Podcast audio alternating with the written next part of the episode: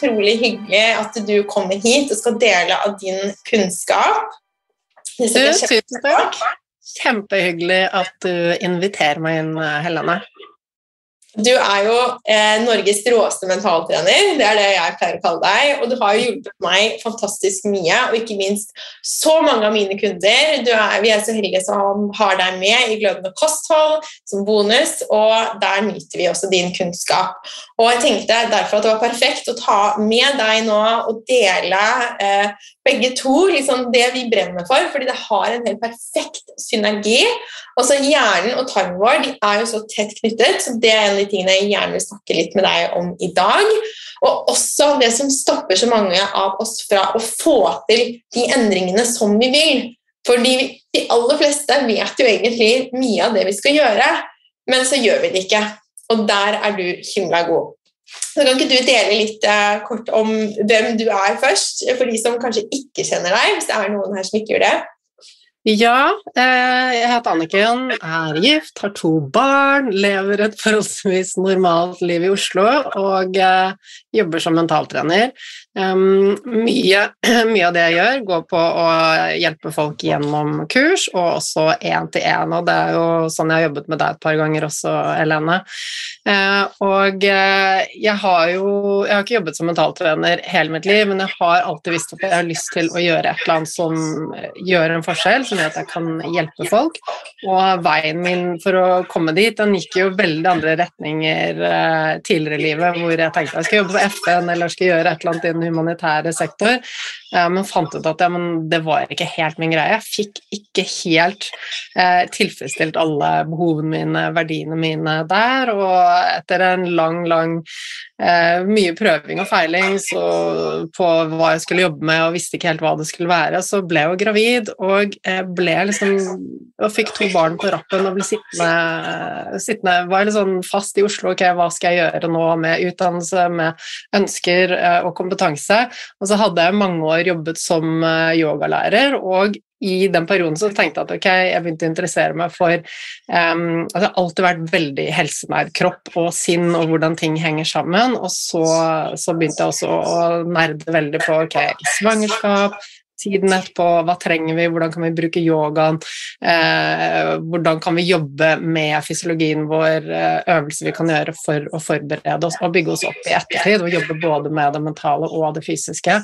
Eh, og det er den gangen jeg traff deg, Helene, hvor våre veier møttes jo da jeg hadde gravidyoga på sånt eh, event for gravide par, og du underviste i ernæring. Eh, og siden så har vi jo eh, har vi kjent til hverandre. Og så kjente jeg jo i de årene hvor jeg jobbet med yoga, at det var det mentale som, som virkelig var spennende, og som har så stort potensial for å endre det fysiske. For alle har jo lyst på fysiske endringer. Vi har lyst til å føle oss bedre, ha mer energi, se bedre ut. Eh, og så er vi så vant til at ok, men da da bare kjører vi på med liksom eh, f.eks. bare spise mat eller trene masse, og så ender vi opp i, eh, i den jakten på at ting skal bli så perfekt, så ender vi ofte opp med å ødelegge for oss selv. Eh, og det handler mye om det mentale, for hvordan vi møter livet vårt, oss selv, eh, de tingene vi skal gjøre, det avgjør jo egentlig hvordan vi har det. Så liksom, det sånn vi føler oss på innsiden, det er jo eh, det som betegner hvordan livet vårt er, om livet vårt er godt eller ikke. ikke sant? Og det er jo ikke sant, det du jobber med også. Ja, du jobber med å hjelpe folk, og jeg vet du har mye om liksom, det mentale, balanse, stressmestring. Det har du også inn i kurset ditt, og det er jo en grunn til at du har det. Det er fordi at ting henger sammen. Så det er viktig. Um, men Åh, nå mistet jeg tråden helt. Men uansett. Det henger sammen, det er veldig viktig, og det er også min erfaring. Eh, for Jeg kom inn med ernæringen først, og jeg husker når jeg hadde det veldig på plass, så ville jeg jo så gjerne bli gravid, og det var jo i den perioden vi møttes, for jeg da var med på dette kurset og holdt foredrag, og så liksom, fikk jeg være med på yogaen, og da husker jeg at det var så awkward, fordi jeg var sånn Vil bli gravid, er på sånn gravid yoga med masse gravide damer. Og så har vi da Uh, liksom, det der, ikke sant, at Jeg fikk hele tiden høre sånn Ja, men kanskje du skal begynne å meditere, eller kanskje liksom du skal jobbe litt med det. Og jeg var sånn ah, Men jeg er ikke stressa, hallo! Det er ikke det det handler om, liksom. Og jeg er så sunn at uh, Bare se på meg, og jeg er så frisk og fin og sånn. Men jeg manglet virkelig den brikken i livet som jeg endelig klarte å liksom, ta det inn og åpne opp for selv om jeg allerede da hadde brukt masse mentale teknikker og NLP og sånn, så eh, trykket jeg det ikke, liksom ikke helt til brystet mitt før jeg skjønte selv da, at det var så viktig. Og nå er jeg kjempeopptatt av å gi det budskapet i Glødende kosthold og vi trenger begge. Det hjelper ikke å sitte hjemme og tygge grønnkål hele dagen lang hvis du ikke har det bra. Hvis det går negative beskjeder i hjernen din hele tiden, så kommer det til å påvirke tarmen din. Og Vi har jo også til og med sett i forskning at eh, f.eks. å fjerne matvarer som du reagerer på, og det å, å gjøre yoga, kan ha samme effekt, like god effekt på I denne forskningsstudien var det IBS. Så det er jo utrolig kraftfullt. Og da kan jo bare jeg i hvert fall tenke sånn Hva det du jobber med, hva det kan gjøre. Fordi jeg tenker det er enda mer kraftfullt. Eh, men det er veldig interessant når du sier at det mentale yogaen var så viktig. fordi det jeg merker selv når jeg gjør yoga, er at du kommer sånn ned i kroppen. Du får en bevissthet. Eh, så det handler ikke om å bli mykere, eller sånn som mange tror, da. men det er, liksom, det er den der å komme ned og bli kjent med din kropp. Så kanskje får du kontakt med, med tarmen din rett og slett når du gjør yoga. Det kan jo hende. At du kjenner ja. Ja, men man gjør jo det. For når vi i vår uh, verden, den verden vi lever i, så er det, det er så mye som stjeler oppmerksomheten vår utover. ikke sant? Det er meldinger som penger inn på telefonen, det er, det er ting som skjer absolutt hele tiden. Og når fokuset går utover, så klarer ikke vi å lytte innover. Uh, og kroppen vår sender oss jo hele tiden beskjed om hva vi trenger, og hvordan tilstanden er. Trenger vi egentlig å hvile, eller har vi energi vi kan trene? Eh, er vi sultne, eller trenger vi egentlig bare kjærlighet så driver og craver sjokolade? Det kommer signaler hele tiden. Men når vi er utovervendt, så klarer ikke vi å lese de signalene, og da klarer heller ikke vi å møte oss selv på det vi føler, og gi oss selv det vi trenger. Og da blir det å sette lokk på følelser, da blir det å gjøre Ofte så gjør vi ting som er helt mot sin hensikt, som er det motsatte av det vi trenger. Og da blir bare ubehaget og misnøyen enda større på innsiden. Uh, og yoga er jo typisk uh, et sted hvor vi har muligheten til å møte oss selv. Det er, okay, det, er, ikke noen meldinger som kommer inn, det er ikke noen e-poster. Uh, vi er der på matten og har tid til refleksjon, rett og slett. Og, og det er sånn, Man tenker at ok, i meditasjon og yoga da skal man stilne hodet. Men det skjer ikke. Nei, det skjer aldri. Nei. Så vi må tenke da at ok, fra naturens side så er det ikke en normaltilstand at vi eh, bare er i, helt i zen og har liksom klarnet hode og er fri for tanker. Det er ikke normaltilstand. For hva er normaltilstanden til hjernen? Jo, den er jo på alerten hele tiden fordi hjernen din skal eh, finne ut om det er noen fare er det noe fare på ferde eh, som den trenger å beskytte dem mot, den er på. Så når vi går inn og skal meditere og gjøre yoga og sånn, så er jo det at det, tankene er aktive og hjernen er aktiv, det er bare en beskyttelsesmekanisme. Det skal være sånn.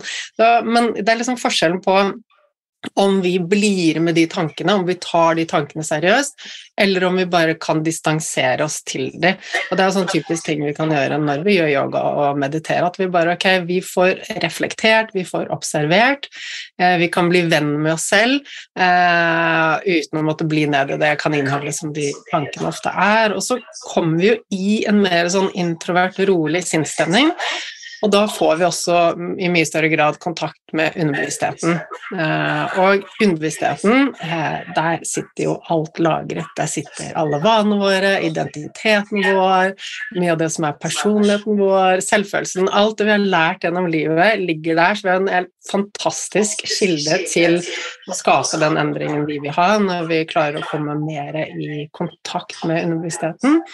Um, Og vi er ofte i kontakt med underbevisstheten gjennom dagen, men når vi prøver å komme i kontakt med den, da får vi ikke kontakt med den. Så sant, når vi bruker liksom den bevisste delen av hjernen for å komme inn til underbevisstheten, eh, da, da, stenger vi av kontakten. Og bare sånn veldig eh, enkel måte å beskrive det på er ok, la oss si at du er i samtale med noen, og så bare å, den filmen, husker du den filmen du så? Og han derre kjekke skuespilleren, hva var det han het? Å, jeg har det på tungen! Jeg har det på tungen. Mm. Og så bare kjenner du at jeg, jeg, vet egentlig hva han heter, men jeg husker det ikke. Og så bare legger du det fra deg, og så bare går du og lager en kopp te, eller går i dusjen, og så plutselig bare ah, det var det det var. Nå kom jeg på det. Og det er fordi når du ikke prøver, når du slapper av og bare går inn i en litt sånn dypere introvert eh, tilstand, da får du kontakt med det. Um, og, eh, og, jeg jobber mye med underbevisstheten, og det har vi gjort når vi har uh, jobbet sammen. Og eh, det som styrer oss i alle valgene våre, det er jo de vanene og mønstrene som ligger lagret i underbevisstheten. Mm. Ja, det er kjempespennende. Guri land. Og så er det jo så viktig å si da, at eh, det her betyr jo ikke at det er noe som vi bevisst gjør. Det er jo ikke sånn at vi kan på en måte lære noen Eh, eller jeg, da, eh, kan ikke liksom lære noen å ha, angst, f.eks. Jeg kan ikke si sånn Nå skal jeg gi deg utmattelse og liksom bare fortelle deg hvordan din kropp skal skape det i seg selv. Eh, men vi ser jo nå liksom utviklingen av måte, symptomer, alt som er så diffust. og liksom, Det er så mange av oss som har det. Eh, jeg hørte på en lege som sa liksom at bare, når jeg jobbet nå med pasienter for liksom 30 år siden liksom sånn, Han bare hadde kanskje én i året som kom med IBS, og nå er liksom én av fem har IBS. Altså det, er, det er ikke sånn de skal ha det. Eh, men det er så viktig å si at det her er ting som går helt automatisk. Og jeg har jo både for, eh, i forhold til det med ME og, og, utmattelse, så har jo jeg brukt det å jobbe med tankemønstre og sånne ting. Og det er det er underbevisst, så det er ikke noen ting som liksom, du kan bare endre en tanke sånn enkelt selv hjemme. Og samme var det jo nå når jeg hadde denne fødselsangsten, så var jeg veldig sånn rasjonell. Og jeg tenkte sånn, det er veldig lite sannsynlig for at det samme skjer nå når jeg skal føde igjen. Uh, og dette liksom eh, går bra, og jeg skal liksom forberede meg, alt sammen, og så kommer jeg på sykehuset og kjenner bare hjertet banker, kaldsvetter, og liksom tårene presser på. og det er bare helt sånn Hva skjer med kroppen? ikke sant? Så liksom det her sitter jo i kroppen.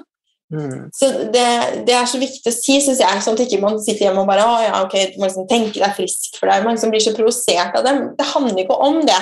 Det er akkurat som ja, Vi trenger hjelp da, for å klare å gjøre den endringen. Og ja, det her er jo det du jobber med også.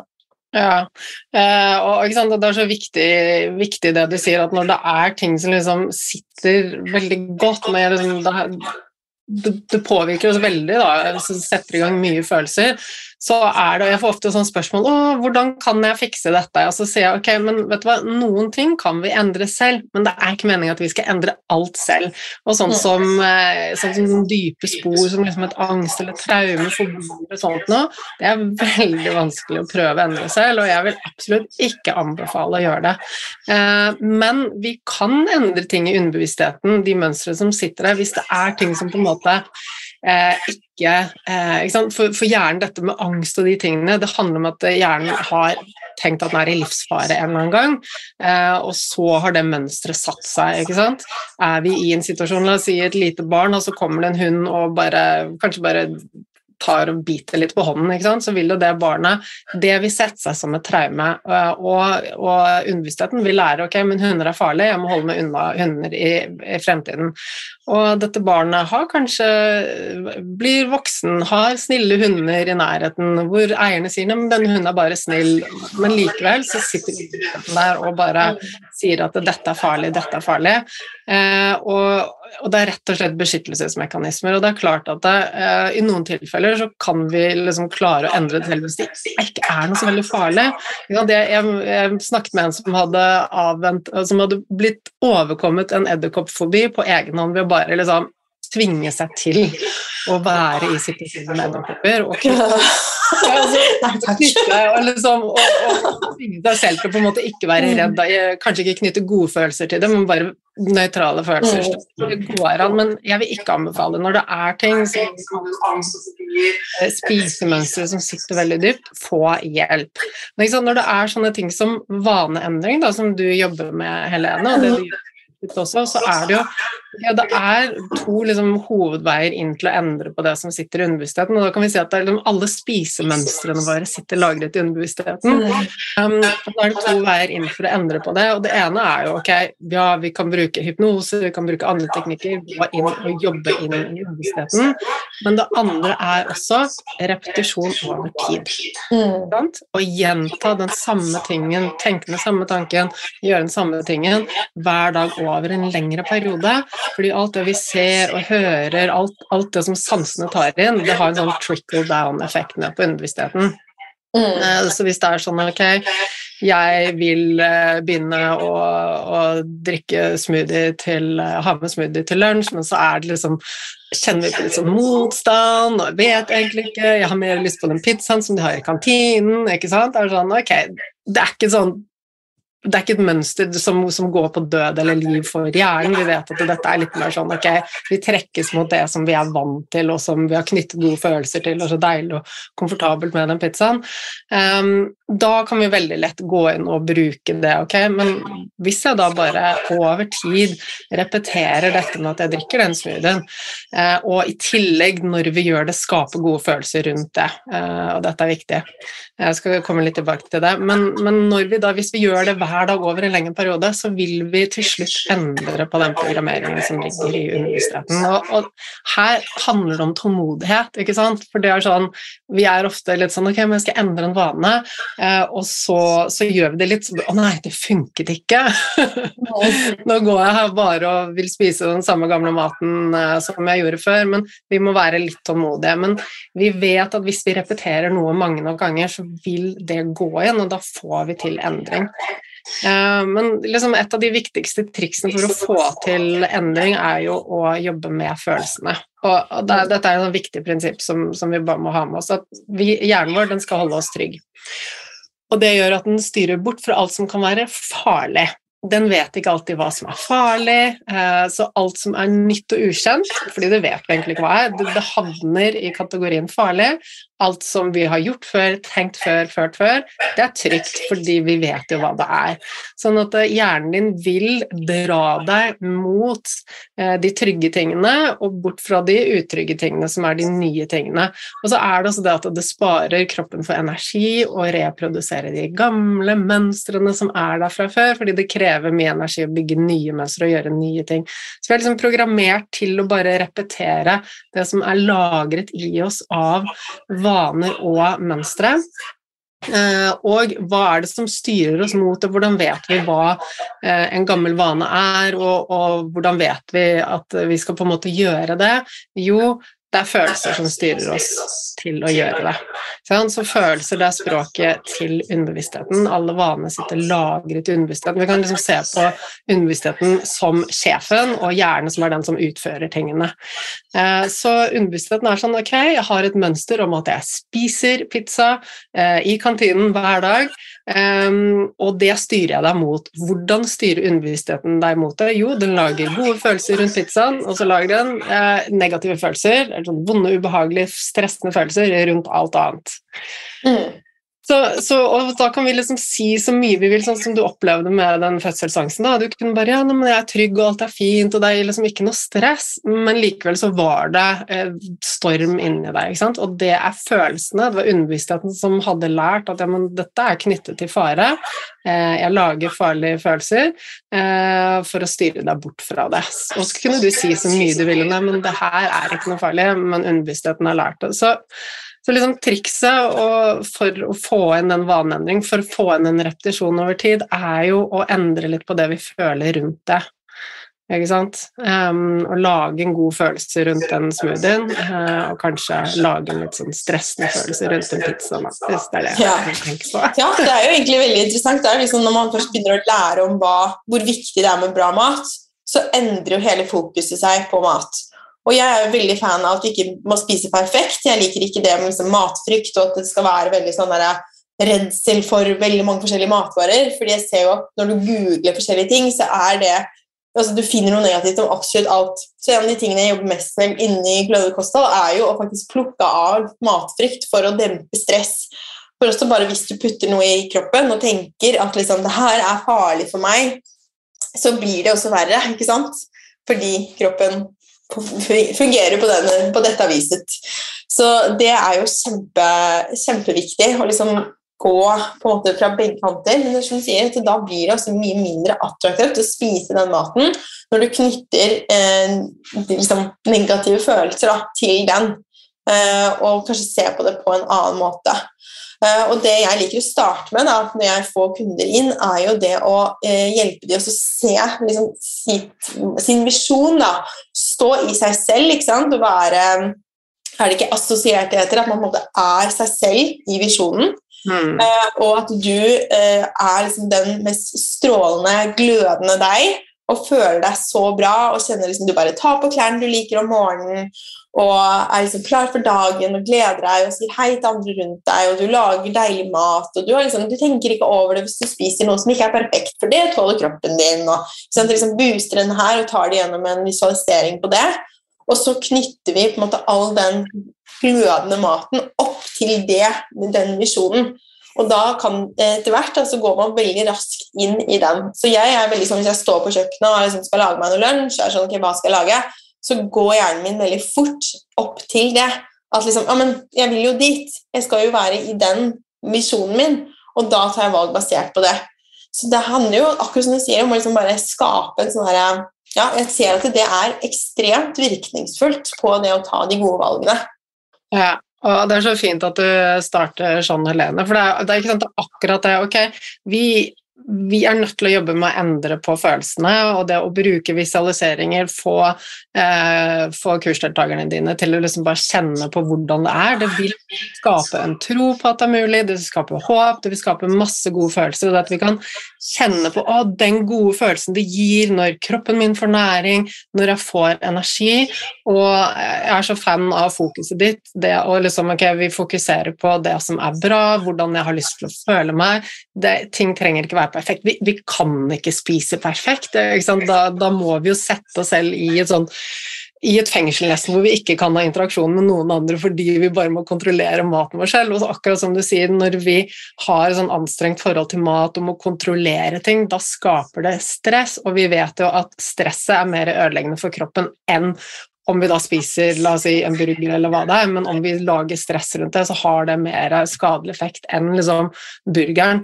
Eh, og da er det klart at det er sikkert mange også her som har et trøblete forhold til mat, og har liksom det at ok, mat kan trigge disse stressresponsene. Eh, og det, det, har jeg full forståelse for. Jeg har vært der i veldig mange år selv hvor jeg bare Altså, jeg levde i stress konstant. Og var redd for alt jeg spiste. Men det vi sier om det, hvis noen sliter med det, så er det rett og slett å jobbe én til én med å overkomme årsaken til at man har de tingene. Det er ikke noe vi fikser på egen hånd, eh, men det er mulig å fikse. Fordi vi er ikke født med trøblete forhold til mat. Vi er ikke født med eh, cravings. Eh, eller fra naturens side så har vi lyst på mm. søt og fet mat, men vi er, vi er født med et avslappet forhold til mat. Vi babyer spiser det de trenger, og så vil de ikke ha mer. ikke sant? Og de spiser når de er sultne. Så alt annet er ting vi har lært oss, og det vi har lært oss, er da mønstre som sitter i underbevisstheten, og vi vet at vi kan endre alle de. Mm. Uh, jeg ser også får veldig mye tilbakemeldinger på det, og det er også fordi at det er noe som jeg selv har slitt så mye med. Først bare med kontroll av maten, spiseforstyrrelser, men så over i den der frykten. Jeg følte sånn men nå er jeg kvitt spiseforstyrrelse, og så ser jeg tilbake og tenker sånn ja, det var du ikke. Og det er jo En av de beste tilbakemeldingene jeg får på grønne kosthold, er jo det at man får et helt nytt syn på mat og endelig klarer å slippe den matfrykten.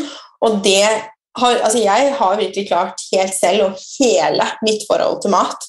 Og det er, det er helt liksom Det går an å faktisk gå fra det å være redd for å spise liksom, de minste tingene. Jeg, jeg var livredd for å spise poteter. Jeg var helt sikker på at det kom til å gjøre at jeg gikk opp i vekt hvis jeg spiste liksom, to poteter i et middagsselskap.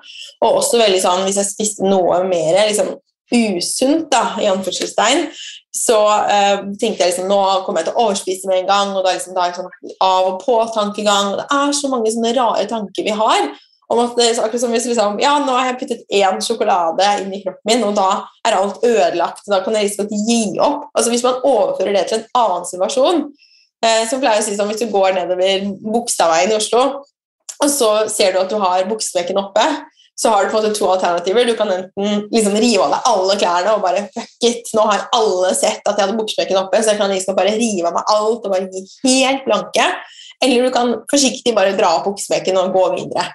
Så når noen av kundene mine skriver sånn her 'Å, jeg spiste liksom så dårlig, jeg var i bursdag i helgen og dåp, og jeg spiste dette', og jeg bare Jeg håper at du klarte å nyte den maten, og så har de ofte da eh, fått en sånn følelse, for ofte så har de jo da spist mye. Man blir sånn ja, men dette er kanskje siste sjansen min til å spise kake, og ikke mer på mandag. ikke sant? Og så føler de seg ikke bra, og så er det sånn, ok, men liksom, da fikk du jo kjenne litt sånn hvordan det føles. Uh, og så håper jeg at du klarte å liksom også nyte litt, og så bare fortsett som ingenting. Du trenger ikke å gjøre noe annerledes, bare fortsette.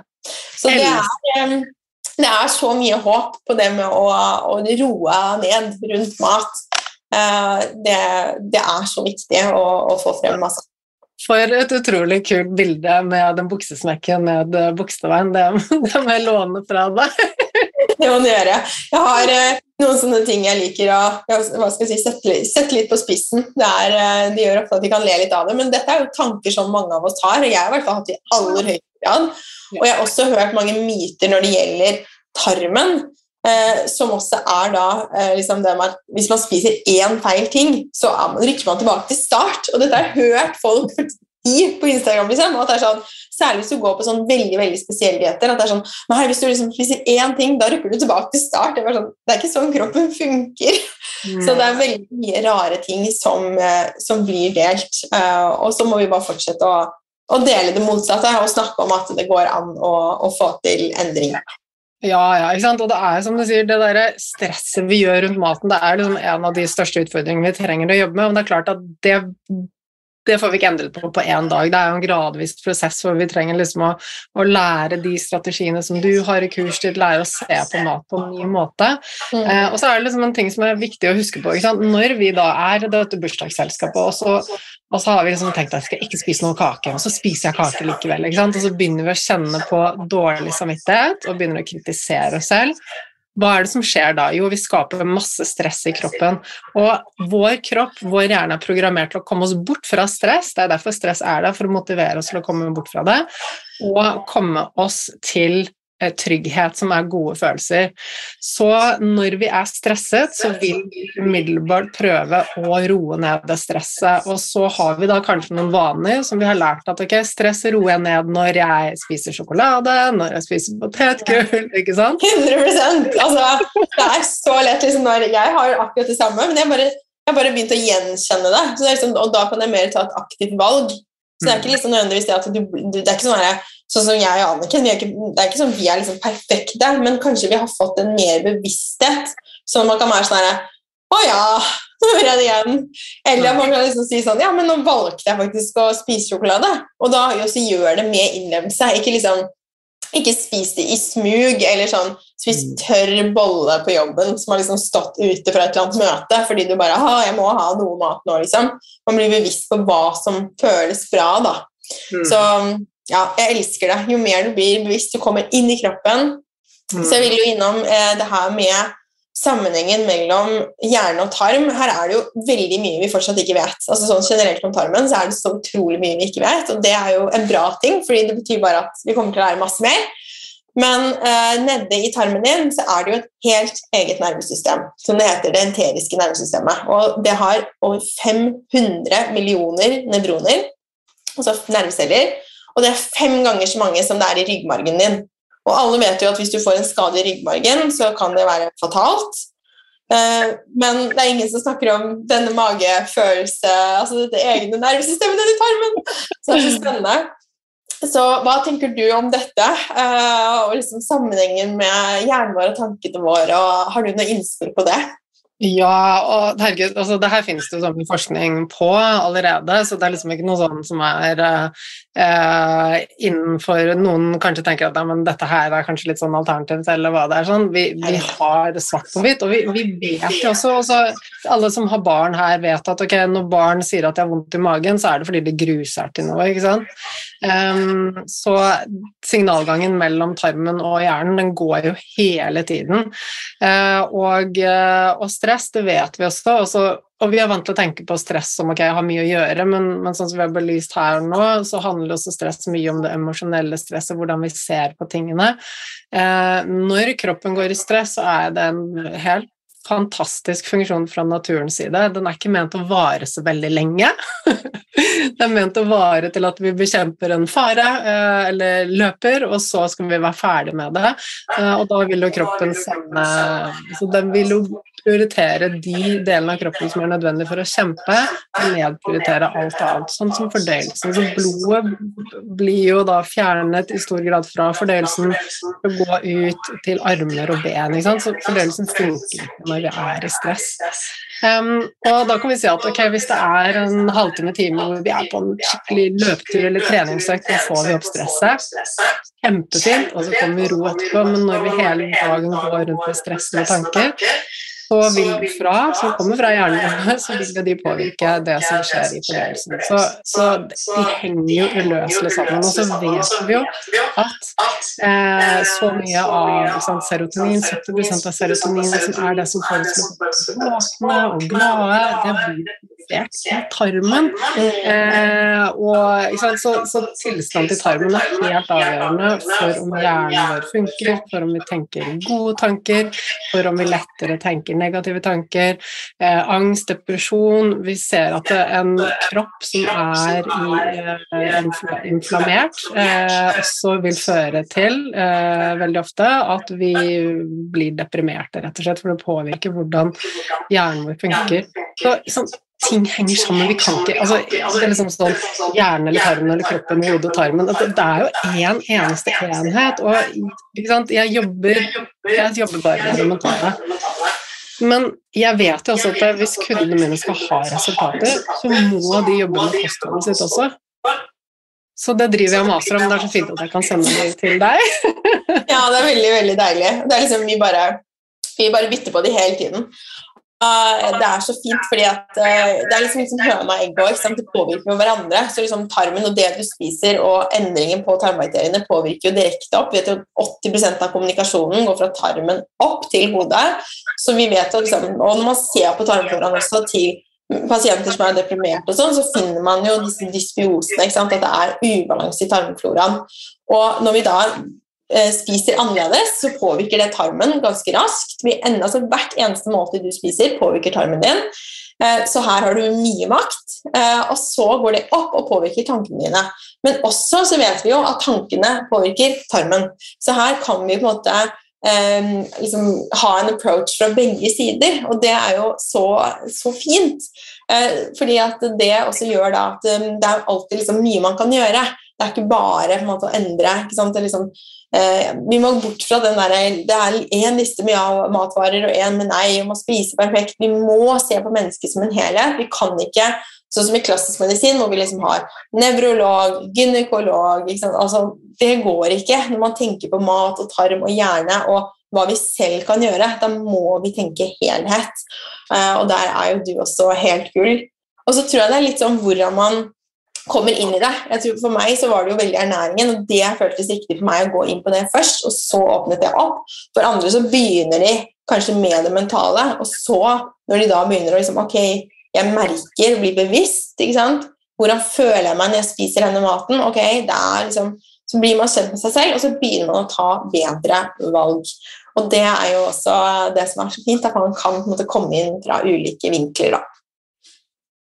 Helt, helt, helt klart. Uh, altså, jeg er så glad vi, vi, har på en måte våre innfallsvinkler, og vi, vi, tenker veldig likt og jobber veldig mye på samme måte. og synes Det er så fint at du har så mye i forhold til stress og balanse i kurset ditt. Å, du har lydspor fra meg i kurset ditt. Det har jeg. Som, uh, ja, fantastisk fine. Jeg brukte jo til og med lydspor fra deg når jeg var uh, så utrolig kvalm. Eh, da jeg var gravid med Sanne, så var jeg jo enda mer enn første gang med Lykke. Og da var jeg liksom 'Anniken!' Og du bare jeg, jeg, pleier jo bare Det er så morsomt, jeg pleier bare å sende ut Altså, jeg tror jo Jeg er jo litt uh, spirituell, og jeg tror jo veldig på den der at det du sender ut, kommer tilbake.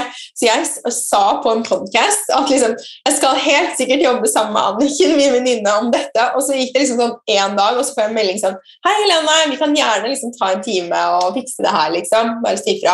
Så det er, dette har skjedd flere ganger, og da hørte jeg på sånn lydspor om at liksom, du er liksom sånn, du er, det, sånn, det kjennes bra i din mage, du spiser all den deilige maten. Og så lå jeg liksom hørte på sånn Helene, du er liksom, ikke, ikke kom, for det kan man ikke si, men det var liksom bare sånn ja, at jeg følte meg bra. da. Så det er så magisk å bare ha deg på øret. Og da husker jeg at uh, Jonna syns det er veldig deilig også. Det er sånn Sett på avspenning når jeg skal sove. Men det er jo altså de lydsporene de, um, de, programmerer underbevisstheten til å få til endring, og samtidig så tar de oss ned i det parasympatiske nervesystemet, så vi får også da får fordøyelsen det blodet den trenger, den kan jobbe, kroppen får restituert seg, vi kommer oss ut av stress. Så det, det funker veldig bra på, på, begge, på begge, måter. Så, ja. Mm. Det er mange som merker også hvis man um, har vært på f.eks. en ferie hvor du har vært mye mer til stede når du spiser. Det er ikke alltid sånn. Det er kanskje hvis man har små barn og man bare ok, det her var ferien fra helvete, liksom. Men jeg merker i hvert fall at når jeg har vært på ferie, så spiser jeg ofte ikke så på en måte Eh, perfekt. Kanskje mye ute, kanskje så mye mat jeg ikke er vant til. Men du er så til stede, og du har ofte mye mer ro. Så det gjør at jeg syns fordøyelsen ofte fungerer bedre. Uh, og det her det kan slå begge veier, fordi det er jo ukjente bakterier og alle sånne ting. Men i hvert fall den der, ofte så føler jeg at liksom jeg kanskje har bare gått ned litt i vekt. og sånn Jeg har bare liksom spist, jeg har vært sulten, og det er liksom bare flyter. Så liksom tilbake til det, lytte mer til kroppen, være mer i ro. Bare det i seg selv kan hjelpe deg på så lang liste av ting. Altså, så jeg liksom bare, Å merge de to verdenene, det er magi i, eh, for oss, da. Veldig, det vet. Og det er jo det, og, og det er litt sånn vi, vi, tenker ofte sånn, eller i hvert fall sånn var jeg før, jeg vet at det liksom har vært dialogen rundt kosthold og alt sånn så lenge, er at ok, vi må gå litt til den ekstreme, vi må gjøre sånn og sånn, og vi skal bli tynnere, penere, bedre, bedre form. Eh, og så ender vi opp med å dra liksom vanligere ut i ekstreme sider som absolutt ikke blir sunne for oss. Og så er det jo sånn da, at en kropp som er i balanse og fungerer som den skal, den vil ha god energi, den vil ha en normal, fin vekt, den vil ha god syke. ikke sant? Er hodet og kroppen i balanse, så er alt sånn som vi vil ha det. Så egentlig så handler det mye om å støtte kroppen til å finne den balansen. og Det er det arbeidet med å liksom, bygge opp tarmen, det er jo en av de måtene å støtte kroppen til balanse. Og kroppen vil alltid søke etter da, homeostase, er det vi kaller det. Når alt er i balanse, liksom, det er den ideelle stedet for kroppen å være, og det er det den søker til. Så, så, hvis vi liksom bare kan tenke at ok, men jeg skal bare hjelpe kroppen til å gjøre Kroppen klarer å gjøre den jobben selv, jeg må bare hjelpe den til å komme tilbake dit fordi vi har tatt den ut til den ene siden eller den andre siden. Mm. Mm. Ja, nei, jeg er helt, helt enig, og, og det gjør jo også at vi finner den livsstilen som vi elsker, og at vi kan måtte, nyte livet vårt, og det kan være mer enn bare helse. For jeg tror at veldig mange kjører seg inn i det sporet at de liksom er sånn de er bare opptatt av alt innen helse hele tiden, og det er hele dagen. Og de har 40 forskjellige biohacks de skal gjøre, og alt er liksom basert på det. Og da blir jeg bare liksom Er det det som skal være livet mitt, liksom? At jeg var den absolutt sunneste personen i verden? Nei, jeg vil liksom være sunn og frisk og kunne leve. Mm. Uh, og der er jo du et forbilde. Uh, utrolig flink til å virkelig leve livet ditt, og jeg blir så inspirert av det. det er liksom Hvor flink du er til å sette av tid med barna dine og gjøre ting og opplevelser. og med mannen din, ikke minst, eh, som vi hadde besøk av her i stad. Så det er kjempe, kjempefint å, å se. Hvor er det vi kan finne deg for å følge deg videre, Anniken? Jeg har jo en egen eh, podcast som heter Level Up, og der deler jeg jo masse fint om hodet. Og du har også noen episoder der, Helene, som er veldig fine. Um, og, og, så er jeg på Instagram som Anniken Binds i ett. Så herlig. Tusen, tusen takk for at eh, du var med her i dag. Litt sånn hashtag egenreklame. Glødende kosthold stenger nå torsdag klokka 22. Dette er din reise hvor du legger bort slit, dietter, av og på tankegang. Fylle på den maten som bygger opp din tarm, sånn at du kan nyte alle fordelene en sunn tarm gir. Jeg har vært der hvor du er, så jeg tar deg gjennom hele prosessen. Gir deg oppskriften, holder deg i hånden. Du må gjøre jobben, du må gjøre endringen, men jeg skal være der hele veien for deg. Gå inn på heleneragnhild.no bli med, og hold av din plass. Vi starter 20. februar, og jeg gleder meg så masse til å se deg på andre siden inne i Glødende kosthold. Har du noen spørsmål, så er det bare å sende meg en melding enten på Instagram eller på Facebook-siden min eller hvor som helst du finner meg, og så svarer jeg helt, helt ærlig om jeg tror at glødende kosthold kan hjelpe akkurat deg. Tusen takk for at dere var med i dag. Da logger vi av, og så ses vi igjen veldig, veldig snart. Ha det bra!